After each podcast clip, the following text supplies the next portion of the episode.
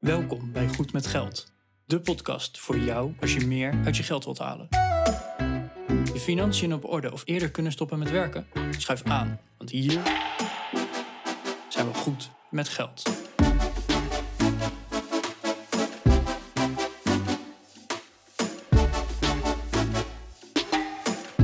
Aflevering 166 van de Goed met Geld podcast.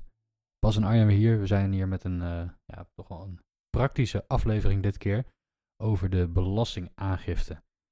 En we gaan het met jullie hebben over een aantal, eh, een aantal tips, een aantal zaken waar je aan moet denken. En eh, misschien ook wel een tip dat je zegt van ja, ik ga mijn belastingaangifte niet zelf doen. Dan is de tip ook, laat het iemand doen die het vaker heeft gedaan. Dat hoeft helemaal niet heel veel te kosten en dat kan je mogelijk ja, honderden of wel duizenden euro's schelen als je een goede aangifte doet. Dus uh, luister naar deze aflevering die boordevol praktische aanwijzingen zit. Als je meer wil weten, dan uh, kan je even de show notes checken op onze website www.goedmetgeldpodcast.nl slash 166. En wil je ons nou een privéberichtje sturen, dan uh, kan je dat doen op goedmetgeldpodcast.nl slash contact. Veel luisterplezier.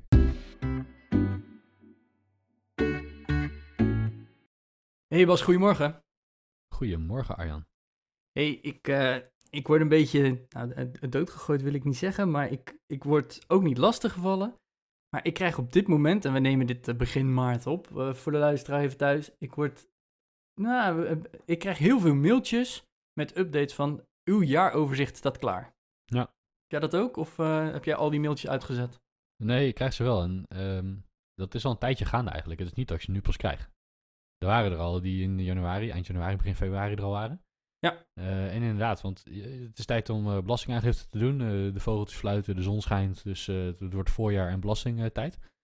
je moet in ieder geval je inkomstenbelasting gaan aangeven. Ja, daar hoort bij dat je allerlei jaaropgaven krijgt hè, van je bankrekeningen, van je hypotheek, van je beleggingsrekening. Ehm, de WZ-waarde is binnen met de aanslag ook daarvan meteen. Ja. Dus in de meeste gemeentes. En zo waar in onze gemeente ook eindelijk. Ja, was die op tijd? Nou, ze lopen hier altijd een uh, beetje achter. Tenminste, vo voordat we hier kwamen wonen, ik kende al wat mensen hier. En die zeiden dat ze zo'n uh, twee of drie jaar achterliepen meestal met, met die aanslag van de gemeentelijke belastingen. Maar ze waren verbazingwekkend op tijd nu. Nou, fijn. Ik kreeg uit de gemeente waar ik het appartement dat wij verhuren en, en, en waar we nu het huis hebben, zeg maar, dat, zijn, dat zijn twee gemeentes. Ik kreeg op dezelfde dag beide, beide aanslagen binnen. Oh, netjes. Ja, dus nee, ze waren lekker op tijd dit keer. Ik heb die maar meteen uh, betaald. Maar goed, dat, uh, daar gaan we het nu niet over hebben. Daar gaan we het zeker niet over hebben, want... We gaan het over een andere belasting hebben. Ja, we gaan het hebben over de jaarlijkse inkomstenbelasting. Hè, die, uh, die moet je jaarlijks doen. Of de Belastingdienst vraagt. Elk jaar wil je die invullen. En ja, daar gaan we het over hebben. We, hebben. we hebben wat tips. We hebben een, een, rode draad door deze aflevering. Want ja, wij denken het is heel belangrijk om het te doen, überhaupt. Maar het, ja, de, de Belastingdienst die probeert het je makkelijk te maken door heel veel van tevoren al in te vullen.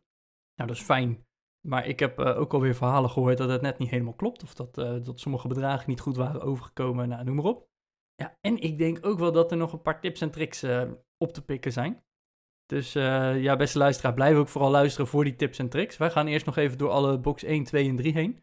Want die tips en tricks, ja, dat is gewoon makkelijk om het hele jaar door even te hebben. Daar, daar ben ik ondertussen wel achter gekomen. Wat doe jij zelf je aangifte, Arjan? Ja, ik doe het helemaal zelf. Oké, okay, ja, dan is het inderdaad wel handig. Ik denk dat de meeste mensen hem zelf doen. Tenminste, de meeste, mensen, de meeste mensen die ik kennen, die doen hem zelf. En dan is het wel handig als je even wat, uh, wat tips en tricks hebt. Veel is vooraf al ingevuld, inderdaad. Maar er zijn ook zaken die, die niet zijn ingevuld, of waar je misschien niet aan denkt, of die je te makkelijk kan vergeten. Hè? Denk aan wat aftrekposten. Uh, dus daar, daar gaan we het even over hebben. Als je het niet zelf doet, overigens. Uh, ik ga hem dit jaar trouwens voor het eerst niet zelf doen. Ik heb altijd zelf mijn belastingaangifte gedaan. Ik ben echt heel benieuwd naar je ervaring daarmee. Ja, ik ook. Dus daar gaan we het later eens over hebben. Want dat, nou goed, dat, dus, we zijn nog lang niet klaar daar. Tenminste, ze moeten nog beginnen. Maar ik heb uh, sinds vorig jaar heb ik twee BV's. En dan uh, heb je een accountant die de jaarrekening opstelt en de vennootschapsbelastingaangifte doet. Dat is zeg maar de inkomstenbelasting van de BV. En ja, weet je, omdat ze alle cijfers toch al hebben, heb ik ook gevraagd van ja, kan je dan ook alsjeblieft meteen voor mij en mijn vriendin de, de inkomstenbelastingaangifte doen? Want uh, je hebt alles toch al, dus je bent Ja. al bezig. Dus die, die nemen ze meteen mee. Dus het is de eerste keer dat ik het uit handen geef. Maar nog steeds, hè, die tips en tricks met die aftrekposten en zaken waar je even aan moet denken, die moet je natuurlijk ook doorgeven als jij je aangifte uitbesteedt. Oh, zeker, ja. Veel ondernemers die het aan hun, aan hun accountant geven. Maar je kunt ook uh, het belastingmannetje op de hoek uh, vragen om voor uh, zeven tientjes de belastingaangifte te doen. Daar zijn er zat van. Ja, die moet je dan wel even vertellen dat je donaties hebt gedaan en dat je nog andere aftrekposten hebt en zo. want anders dan, dat, dat, kan hij niet ruiken natuurlijk. Nee. Nou, la laten we gewoon even op grove lijnen door de belastingaangifte heen gaan. Dat is ook meteen een disclaimer voor de hele aflevering natuurlijk. Wij geven geen advies. Wij geven mee waar wij in ieder geval zelf aan denken. Uh, maar dat kan niet één op één als advies worden overgenomen. En elk jaar verandert de belastingaangifte toch wel weer ergens. Een percentage verandert, een aftrekpost verandert. Nou, verzin het maar. De Belastingdienst en de, de, het belastingstelsel wijzigt gewoon met de jaren. Dus nou, als je dit uh, in 2022 luistert, dan heb je geluk. Dan, dan hebben we het inderdaad over de belastingaangifte op dit moment. Maar als je dit over twee jaar pas luistert, ja, dan kan het veranderd zijn. Dus hou dat gewoon even in je achterhoofd. Dat het niet één op één overgenomen kan worden. Maar dat er nog steeds hele handige tips en tricks in deze aflevering zitten. Heel belangrijk. Ja, even op het hoogste niveau heb je uh, eigenlijk uh, drie, uh, drie boxen. Hè? Dat is hoe, onze belasting, hoe ons belastingssysteem werkt. Ja. En we, we hebben eerder een belastingserie gemaakt hè, met allerlei informatie over hoe, hoe onze Nederlandse belastingen werken. Die begon ergens, ik, aflevering 127 zie ik hier. Belastingserie deel 1. En daarna hebben we een zestal afleveringen gemaakt niet, uh, niet opeenvolgend, hè, dus hij ging tot en met 141 geloof ik. We hebben een, zestal afleveringen gemaakt over hoe het belastingssysteem werkt. Even een hele korte recap. Als we de inkomstenbelasting gaan doen, dan hebben we te maken met uh, drie boxen. Box 1 is jouw inkomen uit werk en woning.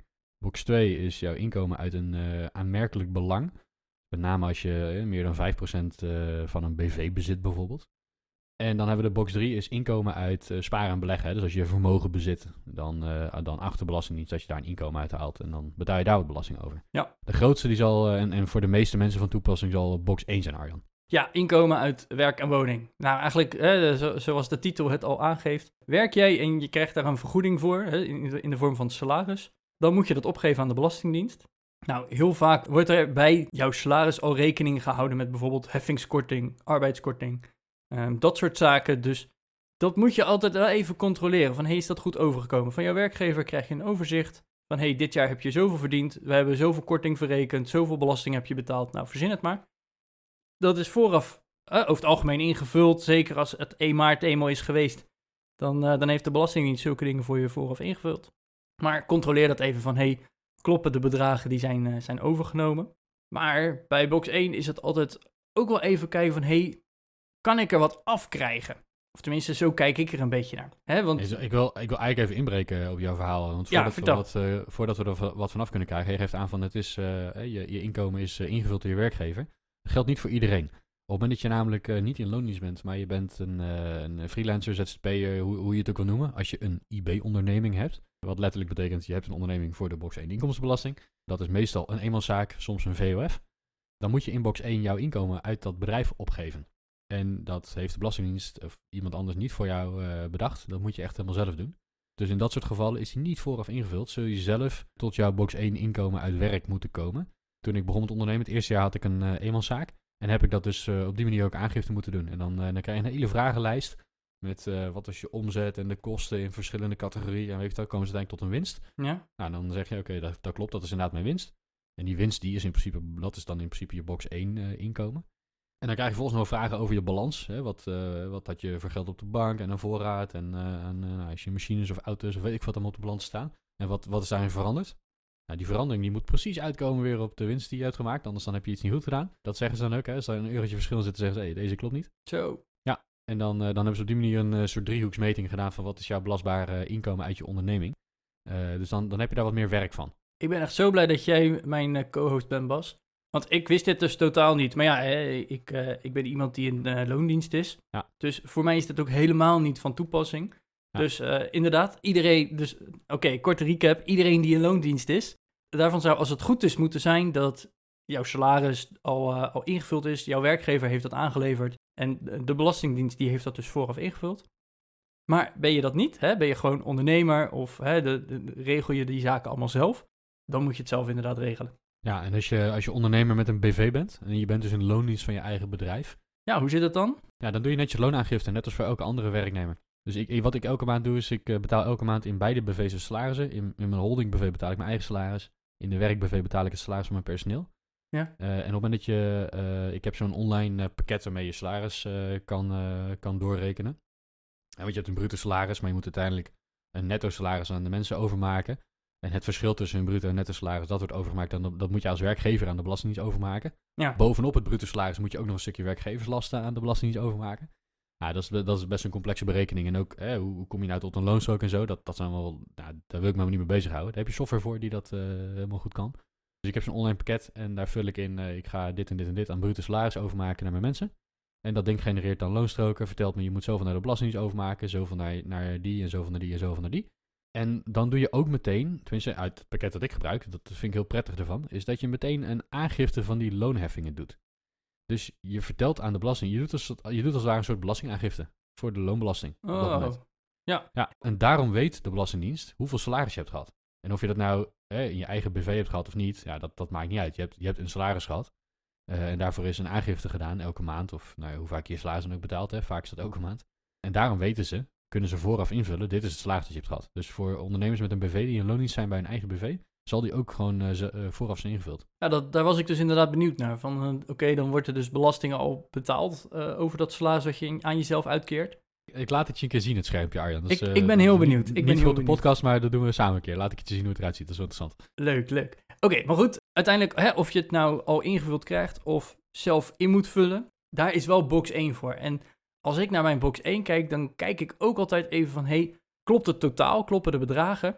Want niet altijd is alles ingevuld, hè Bas? Denk maar bijvoorbeeld aan eh, de inkomsten die, uit wij, die wij uit deze podcast halen. Hè, dat, dat geven wij pas op aan de Belastingdienst op het moment dat wij onze belastingaangifte doen. Ja. Zo simpel is het, want dan kunnen we ook pas zeggen, hey, we hebben zoveel verdiend en eh, dus daar moeten we belasting over betalen. Ja, dus dan wordt dat bedrag hoger. Ehm, maar ja, dan betaal je er belasting over. Dus het- is ook altijd goed om even na te denken van... hey, kan dit bedrag omlaag? En dat is niet van... hey, ik vul gewoon 2000 euro minder in. Hè, dat klinkt heel leuk, maar als de Belastingdienst controleert en eh, het klopt niet... dan zijn de boetes ook gewoon daarnaar. Mhm. Maar er zijn wel degelijk manieren om dat bedrag naar beneden te krijgen. Denk maar bijvoorbeeld aan aftrekposten. Hè, er, zijn gewoon een aantal aftrekposten die jij mag doen, hè, waardoor jouw inkomen uit eh, werk en woning in principe omlaag gebracht worden. Ah ja, ja. Nou, ehm, een van de grote voorbeelden die in Nederland heel bekend is, is de hypotheekrenteaftrek.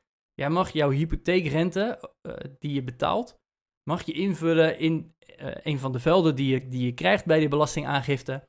Ehm, of over het algemeen wordt dat zelfs tegenwoordig geloof ik zelfs al ingevuld.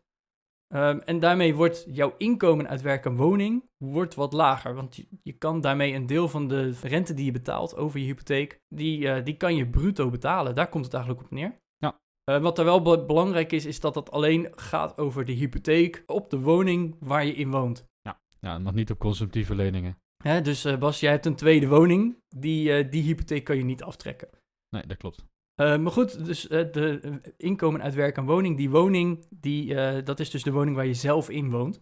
Maar denk bijvoorbeeld ook aan een studie die je hebt gedaan, waarvoor je geen subsidie of iets hebt gekregen. Hè, stel, jij gaat een, een avondcursus doen. En zo'n studie, ik, ik weet niet of er een minimumbedrag voor is, maar stel, zo'n studie kost je gewoon 2.000, 3.000 euro. Dan kan je die ook opgeven van, hé, hey, ik heb een studie gedaan, kijk, diploma, weet ik het wat. Ehm, dan mag je zulke dingen ook opgeven. Eh, donaties aan goede doelen. Hè? Stel dat een, eh, een goed doel een ambi gecertificeerd doel is, dan eh, mag je de donatie die je aan dat doel hebt gedaan dat jaar, mag je ook opgeven. Nou, daar hebben we een hele aflevering over gemaakt, over hè, tips en tricks rondom het doen van donaties. Maar dat zijn allemaal dingen die uiteindelijk voor een deel of zelfs compleet gedaan kunnen worden over jouw bruto inkomen, waardoor eigenlijk dat inkomen uit werk en woning wat naar beneden wordt gebracht, waardoor de hoeveelheid belasting die je moet betalen ook wat minder wordt. Ja. Heb jij nog, eh, ik, ik, ik zit onze lijst even door te kijken Bas, we hebben nog eh, een van de dingen die je ook nog op kan voeren is bijvoorbeeld de reiskostenvergoeding. En dat is dan alleen de reiskostenvergoeding als die niet is vergoed door je werkgever. Ja, reiskosten. Dus niet, niet de vergoeding, maar als je Oh, ja. reiskosten hebt gemaakt. Ja. Je bent met het OV naar je werk gegaan, dat is niet door je werkgever betaald. Dan, eh, dan mag je dat. eh, ik, ik weet niet of daar voorwaarden aan verbonden zitten hoor, maar die mag je dan vaak ook weer opvoeren als, eh, als, kosten. En want dat zijn dan kosten om je werk te kunnen doen, eh, zo wordt het gezien, denk ik. Dus je hebt 100 euro verdiend en een tientje aan de trein uitgegeven, dan, dan heb je eigenlijk 90 euro verdiend. En, en zo wordt die dan ook belast. Verder weet ik het eigenlijk niet. Wat, wat zijn er meer grote, grote posten? Nou, je kan bijvoorbeeld ook nog denken aan alimentatie. Oh ja, oh, maar dat is zeker, dat, dat kan een hele grote zijn. Dat, eh, dat is zeker Ja. wel een hele grote. En sterker nog, die werkt aan beide kanten, hè? zowel aan inkomen als aan de uitgavenkant. Ja. Hè? Dus, eh, en dat geldt alleen voor de partneralimentatie overigens, niet voor kinderalimentatie. Eh, maar als jij partneralimentatie betaalt aan jouw ex-partner, dan, dan mag je die mindering brengen op je box 1. Hè? Dus dan is het een aftrekpost in box 1. Ontvang jij van jouw ex-partner een partneralimentatie, dan is dat een inkomen in box 1. Dus dat is bruto geld wat je binnenkrijgt. Ja, daar moet je dus alsnog belasting ook over En betalen. daar moet je dan belasting over betalen, inderdaad. Ja.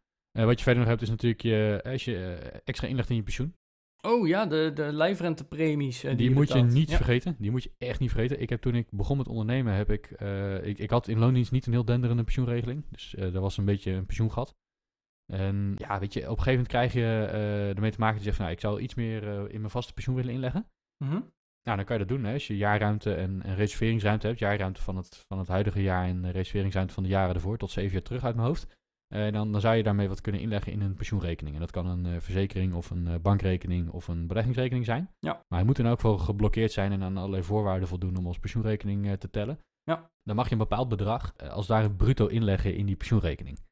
Dat geld staat dan wel vast, maar dan, stel je legt dan eh 1000 euro in, dan mag je die 1000 euro weer in mindering brengen op je box 1 inkomen. Dus dat is een aftrekpost die je hebt. En die kan best wel hard gaan. Ja, toen ik net begon met ondernemen, had ik zoiets van, nou, ik wil die pensioenrekening even spekken.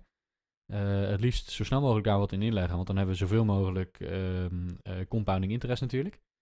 Hè, hoe jonger je bent, hoe langer dat geld kan renderen. En ik blijf er niet de rest van mijn carrière in inleggen, maar ik wil in elk geval een beetje een, eh, een, Een goed begin mooi- hebben, ja. Een, een mooi kussentje hebben daar, dat, dat is mijn achtervang. Hè? Dat als allemaal andere plannen niet goed werken, heb ik in elk geval dat nog als ik met pensioen ga. Ja. Dus ik heb het eerste jaar daar best wel veel ingelegd. Mijn volledige jaarruimte en mijn volledige reserveringsruimte. En aangezien ik niet zo'n denderend pensioen had in de jaren ervoor, was dat een aardig bedrag. Ik weet niet eens meer hoeveel, maar dat was denk ik wel een eurotje of eh, ja, tussen de 10 en de 15.000 of zo, die heb ik toen ingelegd. Ja. Ja, dat is een, echt een dikke aftrekpost. Gaat er in één keer, eh, zeg maar, in één keer 15.000 euro van je box 1 inkomen af. Ja, dat is, eh, dat is lekker. Dat scheelt echt een hoop. Ja, ja, en ik, ik weet natuurlijk niet wat, wat jouw inkomsten is, maar hè, de- een beetje afhankelijk van jouw bruto inkomen, krijg je daar gewoon nog, wat is het, 36% of misschien wel 52% over terug. Ja, een beetje afhankelijk hoe het, eh, hoe het net valt, hè. Maar inderdaad, eh, erg- erg- ergens in die richting eh, scheelt het. Dus dat is, best, eh, dat is best de moeite waard. En die moet je, die moet je gewoon niet vergeten. Nee, want over, stel dat het zelfs maar over 1000 euro is, dan is het toch al snel een paar honderd euro die je even terugkrijgt. Nou, laat staan als het om grotere bedragen gaat. Dus eh, dat is nog een, eh, een hele goeie. Ehm eentje die ik ook nog tegenkwam, en daar denken we eigenlijk niet zo heel snel over na, omdat het in Nederland op zich best wel goed geregeld is. Maar dat zijn bijvoorbeeld eh, zorgkosten. Want in Nederland hebben we, hè, je hebt een, eh, een eh, ziektekostenverzekering of een zorgkostenverzekering. En ja, die, eh, dan denk je, hè, dat is allemaal goed geregeld. Maar niet, alle, al, of niet al die kosten worden vergoed. Nou ja. Sommige behandelingen worden niet vergoed, of, hè, verzin het maar. Ehm, die kan je ook opgeven bij je belastingaangifte. Van hé, hey, ik heb bepaalde zorgkosten gehad. Er zullen vast en zeker ingrepen zijn die wel nodig zijn, maar die niet door jouw verzekering vergoed worden. En die kan je dan ook eh, opgeven bij je belastingaangifte. Wil je daar nou meer Nou ja. over weten? Dat vond ik een hele goede tip van Gideon van uitklokken.nl. Van check die website van de Belastingdienst. Want echt, inderdaad, het is niet heel fijn om er door te komen, maar wel alles staat erop. En echt alles. Dus eh, ben je op zoek naar de, de zorgkosten die je niet vergoed hebt gekregen van je verzekering, maar die je dus wel af kunt trekken van je belastingaangifte, ehm, het staat op de website. Dus Ja. ja. ja, daar wil ik gewoon meteen ook naar refereren. Ja, dus met andere woorden, als je naar box 1 eh, gaat, eh, vaak als je in loondienst bent, is, eh, is er al heel veel ingevuld. En ook eh, uit jouw woning, als je een eigen huis hebt. Eh, dan is de WOZ-waarde al ingevuld en het eh, eigen woning voor verder mee. En eh, waarschijnlijk ook al de betaalde hypotheekrente in mindering gebracht. Ja. Maar controleer het, hè, dat sowieso. Alles wat vooraf is ingevuld, check dat even of, of het goed is doorgekomen. Het kan zijn dat er een foutje wordt gemaakt natuurlijk. En ja, denk, denk om die uitzonderingen, hè, zoals eh, aftrekposten die, eh, eh, waar je recht op hebt en die de Belastingdienst niet van tevoren wist. Dat kan je een heleboel geld opleveren als je dat goed invult. Hey, we gaan verder naar de volgende, de volgende box in ons drie boxen stelsel. Ja, laat me raden, box 2. Ja, box 2. Het is, het is genummerd van 1, 2, 3. Je, je verwacht het niet. Maar inderdaad, box 2 is ehm, ja, de, de belasting op inkomen uit een aanmerkelijk belang. Nou, wanneer heb je nou een aanmerkelijk belang? Eh, je hebt een aanmerkelijk belang als je meer dan 5% van de aandelen in een eh, bedrijf bezit. En, en ik zal even de Belastingdienst eh, erbij pakken met de definitie van aanmerkelijk belang. Ja, ik ben wel benieuwd, want dit, dit is heel tricky natuurlijk. Het is niet alleen maar als je 5% van een bedrijf bezit en, en als je een eenmanszaak van VWF hebt, dan telt het sowieso niet. De officiële definitie is, je hebt een aanmerkelijk belang als je eventueel met je fiscale partner direct of indirect minimaal 5% hebt van de aandelen in een binnen- of buitenlands vennootschap. in een BV of een NV bijvoorbeeld. Ja. of minimaal 5% van de winstbewijzen van een binnen- of buitenlandse vennootschap. Ja, dus dan heb je recht op tenminste 5% van de winst van het bedrijf. En dan hoef je niet eens de aandelen daarvan te hebben, maar gewoon, ja, je hebt recht op die winst. Ja, bijvoorbeeld omdat je, eh, het kan zijn dat, er geen aandelen, dat je geen aandelen bezit, maar dat je certificaten, dat die aandelen gecertificeerd zijn en dat jij certificaten bezit die jou het winstdeel van dat aandeel geven en zo. Hè, dus dat, dat is mogelijk. De genotsrechten van de winstbewijzen in een binnen- of buitenlandse eh vennootschap. Eh, of het stemrecht in een coöperatie of vereniging op coöperatieve grondslag. Wat die laatste precies inhoudt, weet ik niet zo. Die, die zie ik niet zoveel voorkomen in elk geval in de praktijk. En je hebt ook nog een aanmerkelijk belang als je minimaal 5%, eh, of als je opties hebt om minimaal 5% van aandelen of winstbewijzen te verwerven in een binnen- of buitenlands vennootschap. Oh ja, Met andere woorden, we, we slaan hem even plat. Al- Als wij 5% van een bedrijf noemen, dan bedoelen we deze definitie. Ehm, in de praktijk komt het natuurlijk het meeste voor bij DGA's die een, eh, die een BV hebben, die een holding hebben. Dus dat is een ondernemer met een holding BV waaronder dan zijn echte bedrijf hangt. Of meerdere echte bedrijven hangen. Dan heeft die ondernemer in zijn privébezittingen 100% aandelen in de holding BV. En dat is meer dan 5%. Dus valt al het inkomen dat uit die holding komt, niet het salaris, want dat is box 1, maar al het, eh, al het dividend, dat valt dan in box 2. Want we hebben net de definitie van wanneer een aanmerkelijk belang eh, bestaat gehanteerd. Maar ja, dat is natuurlijk nog steeds niet, eh, dat is niet iets wat belast wordt. Het wordt pas belast als je voordeel hebt uit het box 2 belang, Ja. uit het aanmerkelijk belang. En dat is als je dividend krijgt, nou ja, uit dat bedrijf waar jij een aanmerkelijk belang in hebt. Of als jij een vervreemdingsvoordeel hebt, namelijk als jij een verkoopwinst maakt op de aandelen in jouw aanmerkelijk belang. Hè, dus op het moment dat jij eh, meer dan 5% van de aandelen in een BV hebt en die BV die gaat dividend uitkeren, dan is dat een inkomen in box 2, dat, dat dividend wat je ontvangt. Ja. En als jij meer dan 5% van de aandelen in een BV hebt en die heb je voor 100 euro gekocht en die verkoop je voor 200 euro, dan heb je 100 euro winst gemaakt en dat is dan een vervreemdingswinst die ook weer als inkomen in box 2 telt. Ja, nou, ik denk duidelijk. Ja, verder, ik moet heel eerlijk zeggen, box 2 die wordt bij mij al snel geskipt. Eh, als ik mijn, eh, mijn eh, tabelletje aan het invullen ben of mijn belastingaangifte. Ja, simpelweg omdat het bij mij niet van toepassing is. En ik, ik denk dat dat voor heel veel mensen geldt. Maar het is toch even goed om, eh, om box 2 te noemen. Het, het, box 2 is dus eigenlijk simpelweg, eh, heb je een aanmerkelijk belang in een bedrijf, dan is box 2 bij jou, bij jou van toepassing. Ja, precies. Ja. En eh, weet je, de, de meeste, ik, tenminste dat, dat gok ik zo, dat de meeste mensen met een aanmerkelijk belang hun aangifte door, een, door iemand anders laten doen. Ja, Dat is wel een grote, grote aanname die ik doe. Ehm, maar inderdaad, als je, als je DGA bent met een bedrijf, je hebt een, je hebt een holding waar je aandelen in bezit, je hebt daar dividend uit gekregen. Ja, me- meestal heb je dan ook een accountant, hè, zoals in- mijn geval, de accountant doet dan ook de aangifte van de BV's. Ja. Ja, dan neemt hij vaak ook de IB mee. Ik denk eh, dat iedereen dat doet, behalve de accountants. Die zullen het nog steeds zelf doen. Ja, of misschien eh, doet de, laat de accountant dat, dat wel door een collega doen dan of zo. Oh, dat zou ook een nog- soort, ja. eh, een soort vier ogen principe voor elkaar hebben. Dat, dat zou ik dan bedenken, van misschien is dat slim. Maar goed, anyhow, aanmerkelijk belang. Ja, het kan natuurlijk ook voorkomen. hè. Stel dat jij aandelen in jouw werkgever hebt, via een stak bijvoorbeeld, een stichting administratiekantoor. Dan heb je natuurlijk niet echt, admin, of, eh, niet echt de aandelen in zo'n eh, in zo'n bedrijf. Maar vaak zijn dat dan certificaten van aandelen. Dus heb je een soort winstrecht van die aandelen. Dat kan een manier zijn waarop een werkgever mensen aan zich eh, kan binden en ervoor kan zorgen dat het goed gaat met het bedrijf, dat het ook goed gaat met het personeel. Ja. Dat is best een mooie regeling voor, ja, voor zowel de ondernemer als het personeel, denk ik.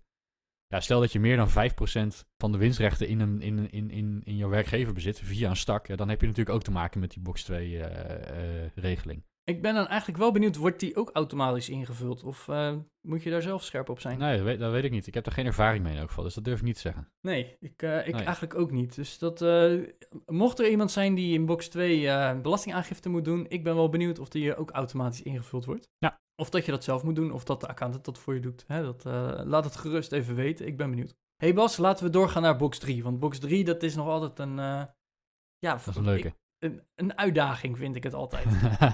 een uitdaging. In box 3 wordt ook al best wel veel vooraf ingevuld. Hè? Want hè, box 3 is eh, de, de belasting op inkomen uit sparen en beleggen. Ja. Ehm, eigenlijk, ik vind meer dat het een vermogensbelasting is dan, dan een inkomstenbelasting. Want de belasting die zegt dan van ja, eh, jouw vermogen levert een inkomen op en we belasten dat inkomen. Maar wat ze eigenlijk, ze, ze kijken helemaal niet naar het inkomen dat je hebt gehad, naar, naar, de, naar winsten en dividenden en, eh, en huurinkomsten enzovoorts. Nee, Nee. ze kijken gewoon naar hoeveel vermogen had je. En daar doen we een percentage van, dat zal wel je inkomen zijn geweest. Nee, een, een geschat of een fictief rendement eh, wordt daarop eh, eh, gelegd. Ja. Dus dat zal je inkomen zijn geweest en betaal je daar belasting over. Ja. Nou, oké, prima. Dan is het dus eigenlijk gewoon een soort verkapte vermogensbelasting, whatever. Dat is nou helemaal zo. Maar dat betekent wel dat alle bezittingen die je hebt, niet zijn in je eigen woning, en ook niet zijn je auto of je gouden ring of wat dan ook, die, die vallen in box 3. Hè? Dus spaarrekeningen, betalingsrekeningen, beleggingsrekeningen, beleggingspanden, cryptocurrencies, crowdlending, noem het maar op. En sommige dingen daar zijn ingevuld en sommige niet. Nee, want hè, denk bijvoorbeeld maar eens aan de spaarrekening die je hebt, of de betaalrekening volgens mij zelfs. Eh, wordt daarin opgenomen van, hé, hey, eh, eh, beste meneer, beste mevrouw, u had die en die spaarrekening. Nou, daar stond op 1 januari dat bedrag op, dus dat is uw vermogen op die rekening van u. Ja. En ja, dat is heel handig dat het vooraf is ingevuld. Ik moet wel altijd zeggen, ik check het altijd toch nog even hoor, want het klopt niet altijd. Eh, ik ben bijvoorbeeld geen financieel partner met mijn vriendin. Nou ja, Maar we hebben wel een NO-rekening.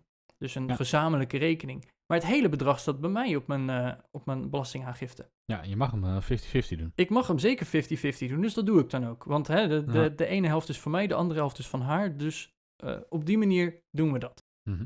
Sommige dingen zijn ook gewoon niet ingevuld. Denk bijvoorbeeld aan mijn crowdlending. Ik krijg keurig netjes elk jaar mijn eh, jaaroverzicht van... hey, op 1 januari was het totale ingelegd bedrag dat. En hè, verzin het maar wat er allemaal op staat. Maar dat staat niet op mijn belastingaangifte. Dus die moet ik zelf nog invullen. Ja. Nou, dan heb je nog eh, de Giro. Hè, want eh, da- daar heb ik een beleggingsrekening. Ja. Die staat er wel, maar ik heb ook alweer verhalen gehoord... dat het net een ander berekeningsmodel is geweest... waardoor er een paar euro verschil tussen zat dit jaar ja, eh, toch nog maar even controleren. En aan de ene kant, ja, tuurlijk, het is heel makkelijk en heel fijn dat het vooraf is ingevuld. Zeker als je denkt van, oeh, die had ik anders misschien wel vergeten. Want dat kan natuurlijk ook. Maar aan de andere kant, blijf er gewoon even scherp op van, hé, hey, klopt het nou wat erop staat? Zo simpel is het.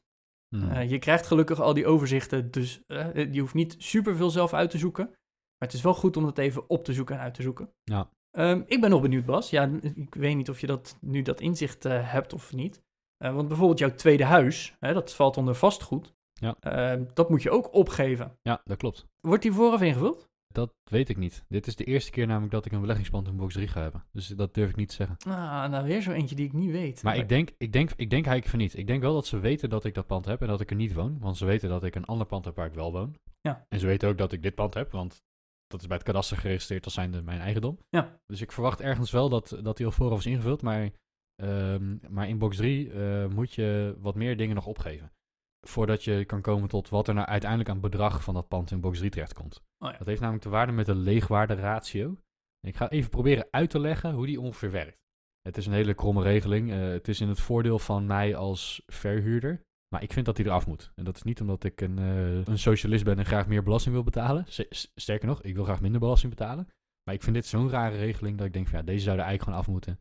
En ik zou het prima vinden om hier wat meer belasting op te betalen, want deze regeling klopt, van, klopt gewoon van geen kant. De leefwaarde ratio, mensen. Ehm, als je een woning verhuurt, dan valt die in box 3. De huur die je krijgt, tenminste even er vanaf vanuitgaan dat je zelf geen arbeid eraan levert, waardoor je eh, de huurinkomsten kan krijgen en zo. Hè. Ik wil helemaal passief is, valt die in box 3.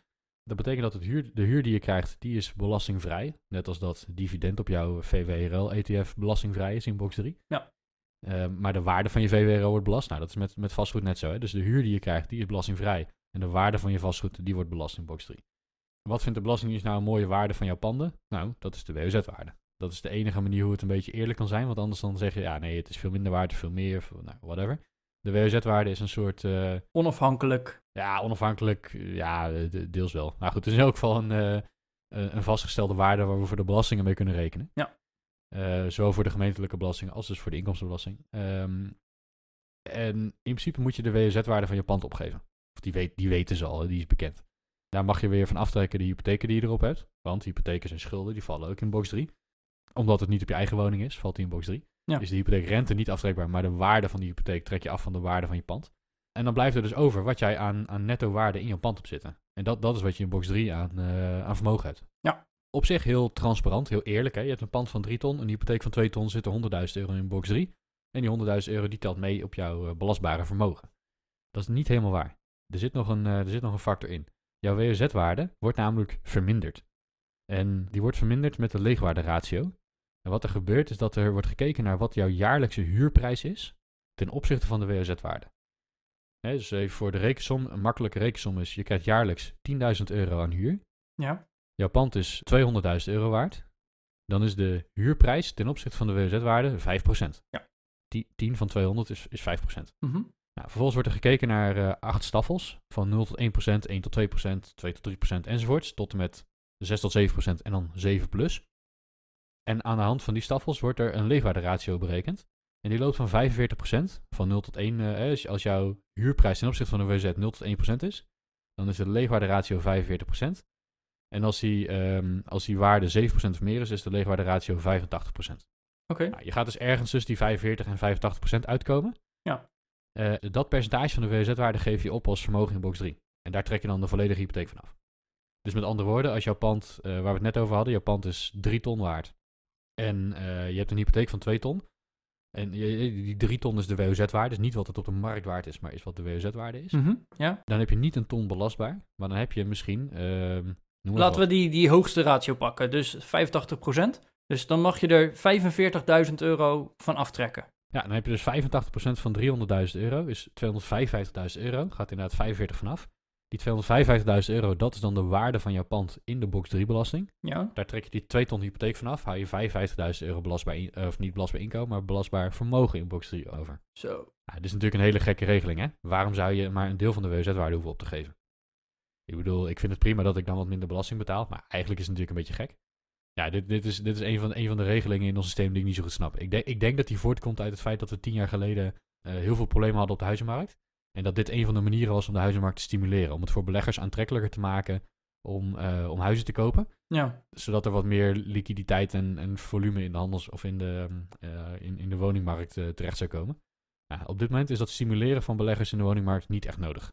Nee, zeker niet. Sterker nog, ik denk dat het, het, gaat goed genoeg met de woningmarkt. Ster- We zouden hem juist misschien een beetje moeten afkoelen in plaats van opstoken. Maar dit, dit is natuurlijk gewoon een regeling die heel gunstig is voor verhuurders. En ja, goed, ik maak er dan ook dankbaar gebruik van. Maar ik vind het wel gek. Voor mij, voor mij mag die eraf. Ik zou het eerlijker vinden als gewoon de hele WOZ-waarde mee zou tellen. En je daar je hypotheek op in mindering brengt. Want dat is namelijk ook gewoon de waarde van je pand. Ja, nou, ik, ik, ik zit dan nog een beetje van, hè, de, de, de WOZ-waarde is de waarde van de woning in zelfbewoonde staat. Eh, vaak wordt er een, in een taxatieverslag gesproken over twee, eh, of, ja, twee taxatiewaardes. een normale taxatiewaarde en een taxatiewaarde in verhuurde staat. Ik zou het dan nog kunnen begrijpen als ze bijvoorbeeld zeggen, hey, de WOZ, 90% van de WOZ-waarde bijvoorbeeld. Standaard. Hoe dan ook. Nou ja. ja. Dat, dat zou ik dan nog kunnen begrijpen, hè, van de, de, de WOZ-waarde. Dat is dan, hè, omdat je er zelf in woont, is het die waarde. Mhm. Dus hè, dat, dat daar iets van afgaat. Hè, want over het algemeen wordt een woning minder waard op het moment dat de huurders in zitten. Ja. Om verschillende redenen. Hè. Je kan het moeilijker verkopen, je kan de huurders er niet zomaar uitzetten. Nou, de- Ja. eh, vaak is het onderhoud er iets slechter aan. Al dat soort dingen. Mhm. Nou, dat is ook allemaal waar, hè. Dus ja. Dus hè, dat er dan iets van de WOZ-waarde afgaat, dat zou ik dan nog wel kunnen begrijpen. Maar dat het dan afhankelijk is van de huur die je krijgt op de woning, in verhouding met de WOZ-waarde, dat vind ik heel krom gaan, eh, gaan worden. Nou, ergens, ergens is dat op zich wel een logische redenering. Want wat er eigenlijk gebeurt is dat ze zeggen, als je dus heel weinig huur krijgt, in verhouding met wat je pand waard is, hoef je wat minder box 3 te betalen. Dat is eigenlijk wat er gebeurt. Ja, maar ik denk, ik denk ook met de huidige gekte op de markt, als ik zie hoeveel eh, waardestijging mijn woning al heeft doorgemaakt, Mhm. dan is dat natuurlijk een lachertje voor, voor de meeste mensen die een, een tweede woning verhuren. Ja, zeker. En, ehm, Zeker als de huren dan niet meegestegen zijn. Nou, dat, dat is een beetje het punt. Hè. Kijk, toen, eh, ik, ik heb mijn pand nog niet eens een jaar in de verhuur zitten. Iets, sterker nog, iets meer dan een half jaar of zo nu, denk ik. Weet ik veel. Tussen de 6 en de 12 maanden in elk geval. Ik, Mhm, weet niet meer ja. precies. Maar als ik zie inderdaad wat, wat er in een jaar tijd aan waarde op die woningen bijkomt. Ja, het, de, de huur die je krijgt, die is leuk om de, om de rekeningen van te kunnen betalen. En die hypotheek te kunnen betalen maandelijks. Maar ja, die huur is vooral veel gedoe voor, eh, voor relatief weinig cashflow. Als je uiteindelijk alle kosten en je financiering weet het allemaal eraf hebt gehaald. Zo ontzettend veel cashflow hou je dan ook weer niet over. Terwijl de waardestijging echt een veelvoud daarvan is. Ja. Dus die huur is meer een soort... ehm, ja, het is, het is dat het handig is dat je niet in het rood gaat elke maand. Maar eigenlijk heb je liever de waardestijging dan de huur. Want de huur is ook veel gedoe met een huurder en eh, de communicatie en de wisseling en weet je het allemaal. Eh, kan je beter gewoon geen huurder hebben en alleen maar de waardestijging pakken. Ja. Ehm, maar goed, kijk aan de andere kant, ik snap het ook wel. Ehm, kijk, mijn pand wordt steeds meer waard. De huur stijgt niet mee. Of in elk geval maar een heel klein beetje, hè, want je kunt niet zomaar de huur eh, met 10% verhogen als je pand 10% meer waard is geworden. Nee, dat kan niet. Dat gaat niet. Dus, dus je rendement daalt. En ehm, nou, dat wordt dan ergens weer verdisconteerd in die leegwaarderatio. Nou ja, goed. Voor mij mag die eraf. Het is een hoop gedoe. En ja, als, ik, da- als ik daar een paar duppies extra belasting moet betalen, dan zou ik het prima vinden. Ehm, ja, Bas, ik denk dat we nu de drie boxen best wel behandeld hebben. Laten we nog even afsluiten, zoals beloofd, met de verschillende tips. Ja. Hè, want eh, waarom zou je anders een, goede, een goed half uur naar onze uitleg van de verschillende boxen hebben geluisterd zonder de echte tips? Dus ehm, ik wil graag beginnen met de tip van Annelou van Noord uit aflevering 161. Uh, mocht je die nog niet hebben geluisterd, ik vond dat echt een hele toffe aflevering over financiële opvoeding. Hoe ervaart een tweejarige nou als mama of papa betaalt? Uh, om, om zomaar even een voorbeeld te geven. Maar zij zei, doe nou gewoon je aangifte. Ook al ben je 16, 17, 18, doe alsjeblieft je aangifte. Want ja. uh, belasting betalen, dat vinden we geen van allen leuk. Maar er zijn ook heel veel voordelen. Nou ja. En uh, al die voordeeltjes die we hier al tussendoor hebben genoemd, van uh, geld wat je terug kan krijgen na donaties, uh, studiekosten die je eventueel af kan trekken, verzin het maar. Er zijn zo ontiegelijk veel aftrekposten. En zeker als je wat jonger bent, doe dan die aangifte. En de kans bestaat echt nog dat je gewoon geld terugkrijgt. Nou, hoe tof is dat als je gewoon even geld terugkrijgt? Ja, dat, is, dat zou heel lekker zijn. En je hoeft er eigenlijk heel weinig moeite voor te doen. sterker nog, wat, wat nog een goede tip is ook. Als je dit nou allemaal heel complex vindt en heel moeilijk vindt en er geen zin en geen tijd en geen kennis van hebt Laat het dan doen door iemand. Je hoeft het niet door een uh, fiscaal jurist te laten doen met een uurtarief van 1000 euro of zo. Dat is echt niet nodig. Er zijn een hoop belastingmannetjes en vrouwtjes die op de hoek van de straat wonen. En die vaak voor, nou, wat is de, de prijs van een aangifte? Tussen de 70 en de 100 euro. Als je verder geen spannende dingen hebt. Ik, ik durf het niet te zeggen. Nee, als je alleen in loondienst bent en je hebt geen beleggingspanden, geen bedrijven, weet je het allemaal, dan, ehm, dan is het vrij eenvoudig om aangifte te doen voor iemand die er 20 per keer doet. Hè, die, die, die wordt er heel handig in op een gegeven moment. Uh, dat kost helemaal niet zo heel veel werk. Uh, dus ik, ik meen dat de gangbare prijzen tussen de 60, 70 euro en, en de 100 euro liggen. Ja, het, uh, kijk, je kunt ook zeggen, joh, ik heb geen zin om het allemaal uit te gaan zoeken. Waar ik aftrekposten heb enzovoorts. Ik laat het doen door iemand, ik betaal 100 euro. En misschien levert dat me er wel heel veel meer op, omdat, omdat, omdat diegene denkt aan, een aantal aftrekposten waar ik zelf niet aan had gedacht. Dan verdient hij zichzelf makkelijk terug. dus dat, dat vind ik ook nog een goede tip. heb je hier nou geen zin in? Doe dan toch aangifte, maar laat het doen. Ja, ik, ik denk dat zelf eh, een, een, goede, ja, een goed bedenkpunt daarin is van... hey, hoe moeilijk zou mijn aangifte zijn? Heb ik alleen maar gewoon een inkomen en verder eigenlijk niks? Ik heb geen eigen huis uh, of, of verzin het maar. Ja, dan boeit het allemaal niet zo. Het meeste staat toch al vooraf ingevuld. En het is ook echt geen moeilijke aangifte. Doe het dan gewoon lekker zelf.